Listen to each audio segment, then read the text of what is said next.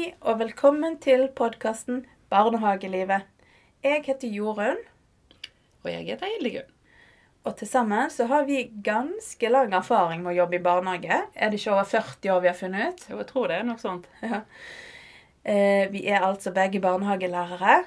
Eh, men du Hildegunn, du kaller deg fremdeles for eh, førskolelærer, du? Ja. Ja ja, det får vi ta opp i en annen episode, kanskje.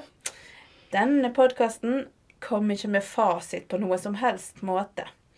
Men vi ønsker å dele våre erfaringer og tanker og refleksjoner rundt det å jobbe i barnehage. Vi håper at barnehagefolk og foreldre rundt om i landet blir inspirert av podkasten vår. Kan gjerne følge oss på Instagram. Der heter vi Barnehagelivet. Og spre ordet om podkasten til alle du kjenner. Men nå skal vi over til dagens tema, som er læring gjennom lek. ja, for barn kan lære mye gjennom leken. Det, det har jo vi allerede snakket om i forrige episode, Jorunn. Og den handlet jo nettopp om lek. Eh, og som nevnt tidligere, så stimulerer leken ulike sider av barns utvikling. Både språklig og sosialt og motorisk. Og leken er med på å utvikle kreativiteten og evnen til å løse problemer. Og gjennom lek så er det eksperimentering, og, og lek og eksperimentering så lærer barnet masse om hvordan verden fungerer. Men er det sånn at bare når barn leker, så, så lærer de? Er det nødvendigvis slik? Nei.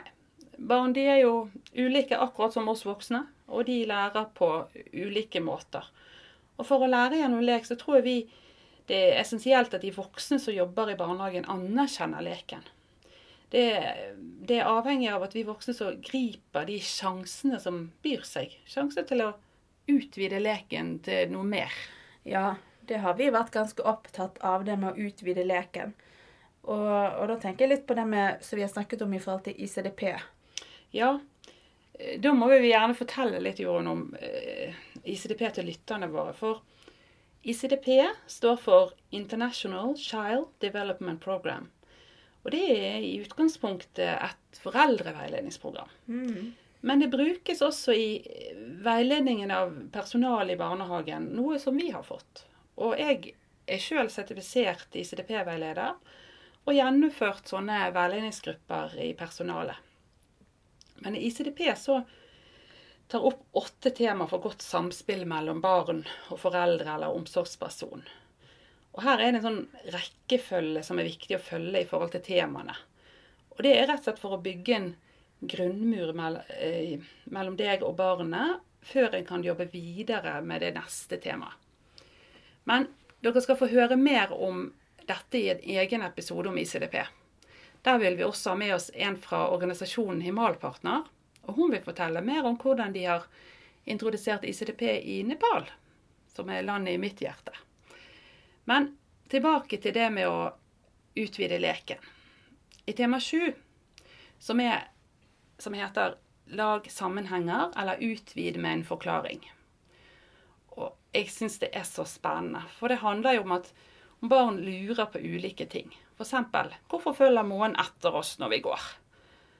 Og det er jo ikke alltid vi voksne vet svaret, da. Men da kan en undre seg litt sammen med de hvorfor dette skjer. Og så kan vi bruke bøker, internett, for å finne svar på spørsmål. Og det handler jo om å ta utgangspunkt i hva barn er opptatt av, og kunne utvide dette. Jeg kan gi et eksempel. da. Jeg opplevde at noen barn jeg var sammen med, de likte godt å bygge klosser. Men en dag så var de litt usikre på hva de skulle finne på. Og jeg spurte om vi skulle leke med klosser, og det ville de gjerne. Vi fant fram klossene, men de visste ikke helt hva de skulle bygge.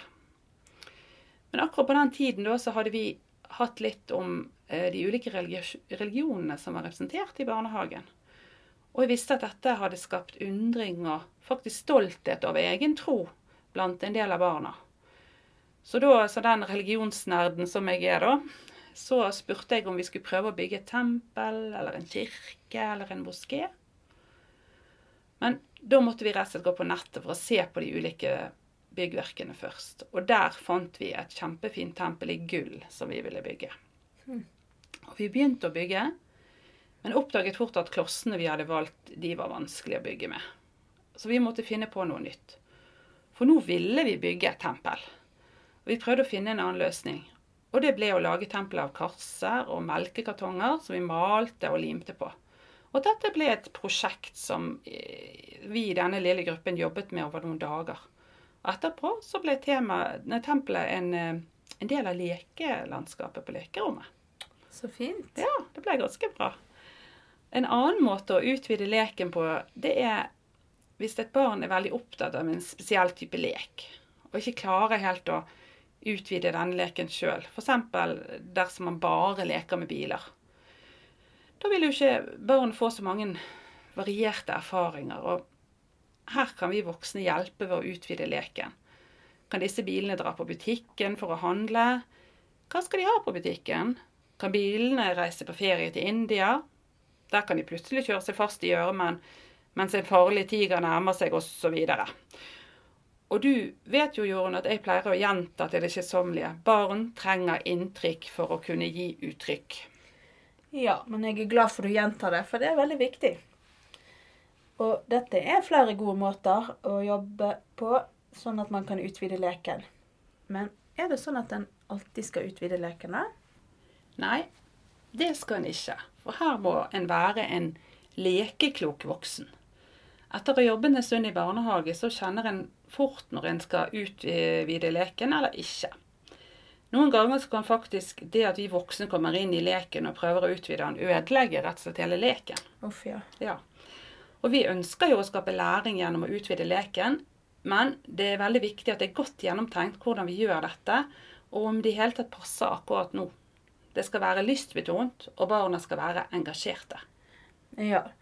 Jeg har eh, tenkt på meg sjøl som rekvisitør av og til. Når noen barn har en superlek, så trenger, voksen, så trenger de at jeg som voksen ser, skjønner leken, og kanskje kommer med noe tilbehør eller rekvisitter, sånn at leken kan få utvikle seg og fortsette. Ja. Sånn? Du snakket om forskjellige leker i sted. Vi kan ta butikklek. Trenger de et skilt? Trenger de en eh, matvarer? Altså, Ja. der kan jeg komme og være rekvisitør. Eh, Vi som jobber i barnehagen, vi har et arbeidsverktøy som alle burde kjenne til, og det heter Rammeplan for barnehage. Og det er jo sånn at det skal ligge til grunn for det som faktisk skjer hver dag i barnehagen. Og rammeplanen er sammen med barnehageloven grunnlaget for, for alle planer fra eier av barnehagen og for årsplaner som hver enkelt barnehage har som sitt lokale arbeidsdokument. Men hvordan kan jeg klare å jobbe med barns medvirkning, gjerne i et prosjekt over tid, og samtidig sørge for at en jobber ut fra rammeplan og andre lokale planer? Ja, jeg er enig om at det kan virke litt sånn utfordrende innimellom. Og helt siden den første rammeplanen kom, og jeg jobber som assistent i barnehage, så har jeg syntes at det har vært et godt arbeidsverktøy å bruke i jobben min. Den skal være vår ledetråd i arbeidet vårt. Og nå har vi jo fått, etter min mening, en veldig spisset og god rammeplan i forhold til den tjukke grønne som vi fikk i 96, var det vel? Var ikke det det? Jo, Jo. Men ja. Ja, eh, jeg er helt enig. Det nye er, er hakket bedre, ja. Barns medvirkning, det har det vært mye snakk om. Og det har jo gjerne vært tolka på forskjellige måter rundt omkring i ulike barnehager. Eh, Vi skal ikke reflektere rundt hva dette begrepet er i denne episoden, men vi vil likevel viktig å nevne det i forhold til læring gjennom lek. Og vi har jo brukt dette mye når det kommer til fysisk lekemiljø. Og vi har gjort oss gode erfaringer med, erfaringer med at det er med å styrke barnas læring og bygge videre på de interessene barna på avdelingen har. Ja, og som du sa, så fikk jeg etter hvert gode verktøy og erfaringer på hvordan vi kunne klare å ha med oss rammeplan og årsplan i prosjekter som tok utgangspunkt i barns medvirkning. Og jeg, jeg jobbet i en barnehage der vi observerte at barna var veldig opptatt av vikinger en stund. Og vi tenkte at hvordan kan vi sørge for at dette blir et prosjekt som barna eier, samtidig som vi klarer å få inn alle fagområdene og de mål som vi har satt opp eh, for dette året. Og siden vi jobbet i prosjekt, eh, så var målet vårt at veien ble til mens vi gikk den. Og vi skulle ikke planlegge alt på forhånd. Og derfor tok vi utgangspunkt i fagområdene i rammeplanen, og planla noen førende punkter ut fra dette. Og så satte vi i gang. Vi startet det hele med en slags eh, lekekickoff, kanskje, kan kalle det for. Det, det, har jo gjerne store bedrifter når de setter i gang med nye prosjekter, Jorunn. Yep. Her startet det med hele med et dramaforløp, der en arkeolog kom på besøk i barnehagen for å gjøre utgravinger. Og han fant selvfølgelig gamle vikingsmykker, og så var det hele i gang. Så gøy. Ja, og vi laget oss vikingutstyr, vi dro på tur i skogen på vikingtokt, fortalte og dramatiserte vikinghistorier. Og barna teilte, tegnet og malte og formet ulike ting ut fra det de hadde opplevd og lært. Og vi snakket om vikingenes gudelære og studerte norrønt språk og runeskrift og mye, mye mer. Og en dag så prøvde vi faktisk å vaske oss sånn som vikingene gjorde. Hæ? Hvordan ble det gjort, da? Ja, eh, vikingene var ikke så opptatt av hygiene, da. De vasket seg ikke så ofte. Eh, og når de først vasket seg, så vasket de seg i samme vann etter tur, hele kroppen. Og den med mest status, han fikk vaske seg først. Og så videre nedover til den med minst status. Stakkars de som vasket seg sist. Ja, det var sikkert ikke en veldig forfriskende opplevelse, nei. Vi vasket jo bare hendene den gangen, da. Men barna var veldig sjokkert over hvor skittent vannet ble, og vi måtte jo selvfølgelig vaske oss en gang til etterpå, hver for oss, da, for å faktisk bli reine, da. Ja. ja. Men fra vikinghygiene til noe annet som kanskje er mer interessant for oss som jobber med barn, da. Det er jo det å ha, det å ha fokuset på at ting gjerne ikke går helt sånn som en har tenkt og planlagt. Og vi hadde, som nevnt allerede i planleggingsfasen, med oss i tanken at dette er et prosjekt som skal bli til mens en går. Og her skulle barna eh, medvirke og få styre prosjektet. Og vi måtte gjerne justere underveis. Og etter å ha observert hva barna var opptatt av og syntes var spennende. Men samtidig så måtte vi sørge for at prosjektet favnet alle fagområdene i rammeplanen. Og vi laget oss en plansje på veggen med alle fagområdene, hvor vi dokumenterte gjennom bilder og tekst for oss sjøl og foreldrene hvilke fagområder vi hadde jobbet med, og hva vi hadde gjort. Der ble det også veldig tydelig dersom det var noen fagområder som var mindre representert enn andre. Det var lurt. Ja, Og så kunne vi rett og slett rette det opp underveis. da. Og vi klarte å jobbe med dette prosjektet i et helt barnehageår. Og det var et spennende og lærerikt år. Selvfølgelig så vil en ikke klare å favne over alt på hvert av fagområdene i et sånt prosjekt. da. Men vi jobbet jo også i hverdagen med det som ikke prosjektet rommet fra rammeplanen, og markerte ulike høytider og merkedager i løpet av året. Det var jo på stor avdeling, men hvordan jobbet dere med det med de yngste barna? Jo, på småbarnsavdeling så krever det jo mer av oss å finne ut hva barna er opptatt av. I samme barnehage så hadde personalet oppdaget at barna var veldig opptatt av hus. Ah. Og, og um, sine egne hus gjerne, og sin familie, og hva hus dyrene bodde i. Og det ble et spennende prosjekt for de yngste. Så også de jobbet med over et helt barnehageår, faktisk. Ah. Ja. Så det er helt mulig å jobbe også med de yngste på denne måten. Men som sagt så det, krever det at vi i personalet er enda mer lydhør for hva barnet er opptatt av, og at det må tilrettelegges da, på deres nivåer. Da. Ja, Ja. det er jo sant. Eh, jeg syns det høres ut som dette var liksom en stor kilde til læring for både store og små, egentlig.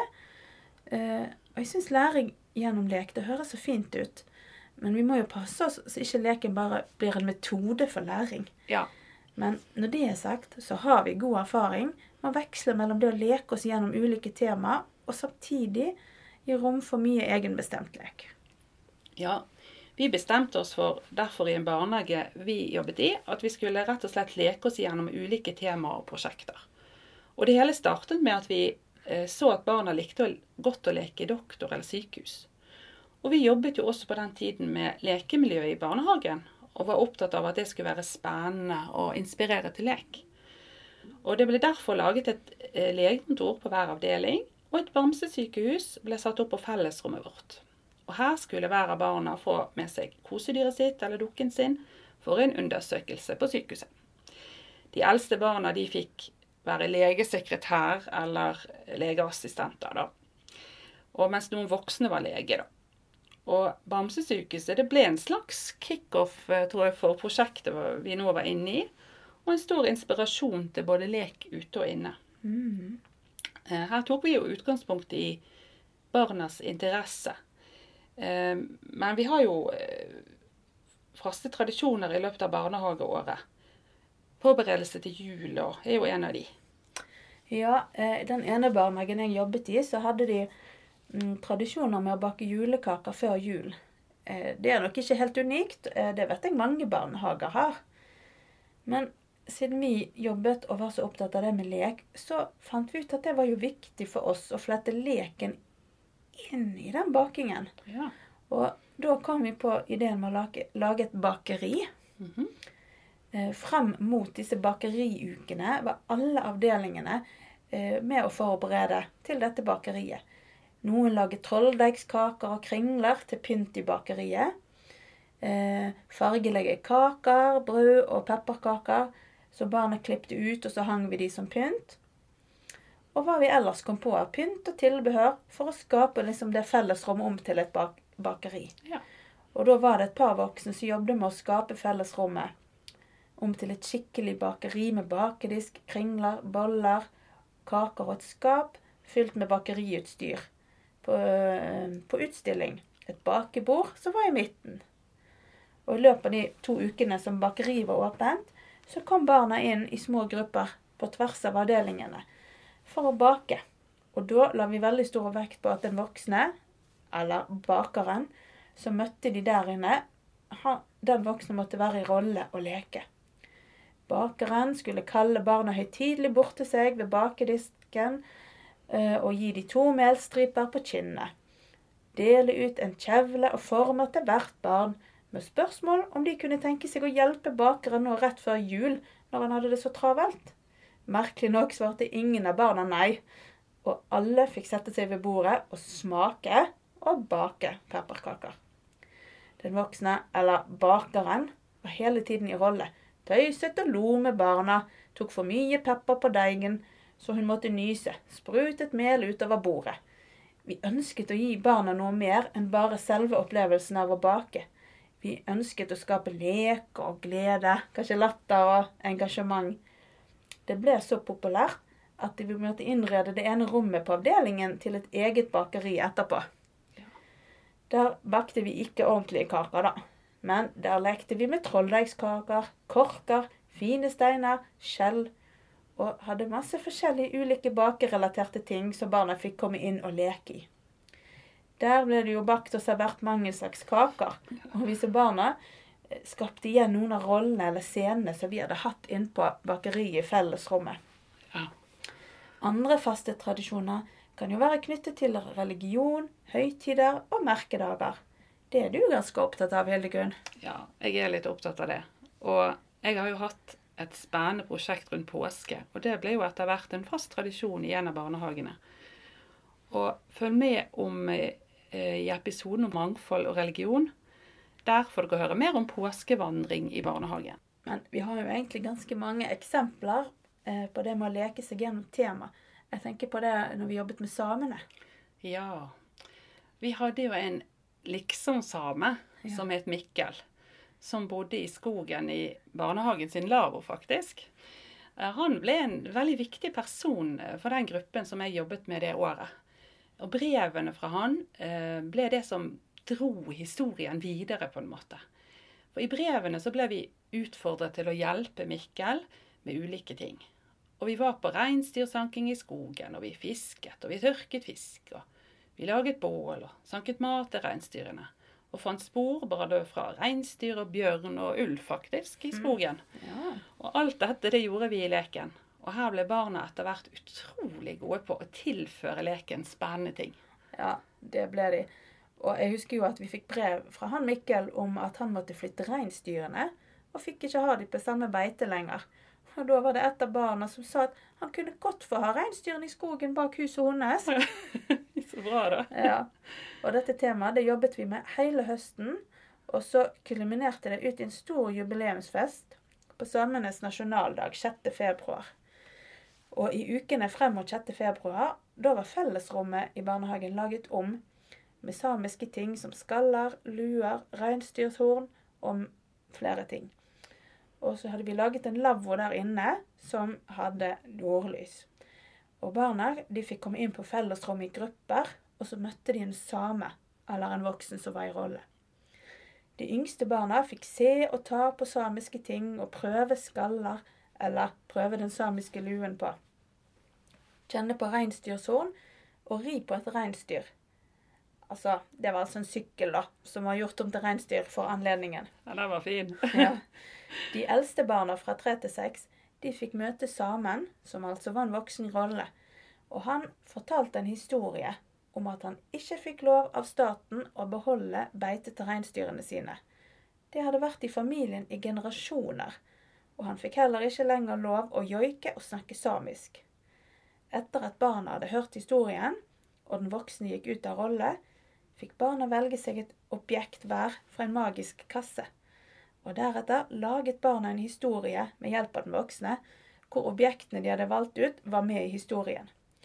Historien, eh, Alle historiene handlet om hvordan de kunne hjelpe sammen. På selve jubileumsdagen ble historiene lest opp. Og dette skapte jo lek, engasjement, ja, både hos barn og voksne egentlig i lang tid. Ja, det er helt sant. Det ble en stor suksess. Og nå har vi gitt dere et innblikk i læring gjennom lek, og håper at eksemplene våre kan være til inspirasjon i din barnehage. Og følg med i neste episode, som handler om lekemiljø. Det gleder vi oss skikkelig til. Ja, det gjør vi. Da gjenstår det bare å si takk for oss. Håper du har kost deg med dagens episode. Du kan gjerne legge igjen en vurdering. Da når vi ut til flere lyttere. Følg oss på Instagram. Der heter vi Barnehagelivet.